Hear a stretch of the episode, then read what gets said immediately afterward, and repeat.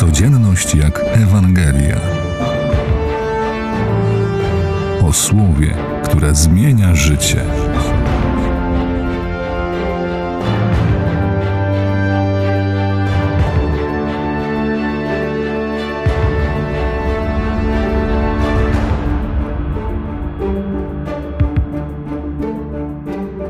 Czyż myślicie, że ci Galilejczycy byli większymi grzesznikami niż inni mieszkańcy Galilei, iż to ucierpieli? Słyszymy w dzisiejszej Ewangelii. Nie chodzi o licytowanie się, kto jest większym czy mniejszym grzesznikiem. Chodzi o prawdę o mnie.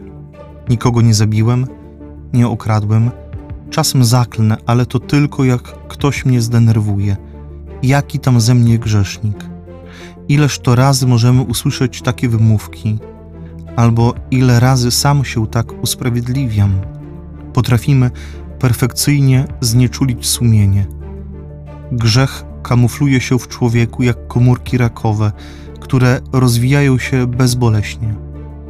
Kiedy pojawiają się bolesne objawy, może być za późno na leczenie. Wielki post jest po to, żeby zobaczyć swój grzech. Święty Ignacy przypominał, że podczas rekolekcji trzeba prosić Boga o wielką i głęboką boleść duszy i o łzy z powodu mych grzechów. Bez zobaczenia swojego grzechu nie ma nawrócenia.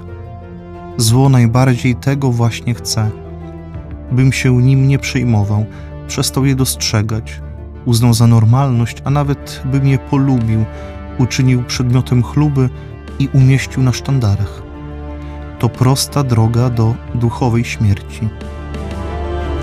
Szukam owocu na tym figowcu, a nie znajduję.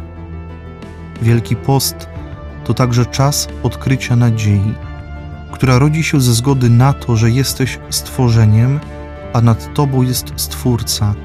Nie jesteś autonomicznym, samotnym istnieniem. Jesteś drzewem zasadzonym przez kogoś w Bożym ogrodzie.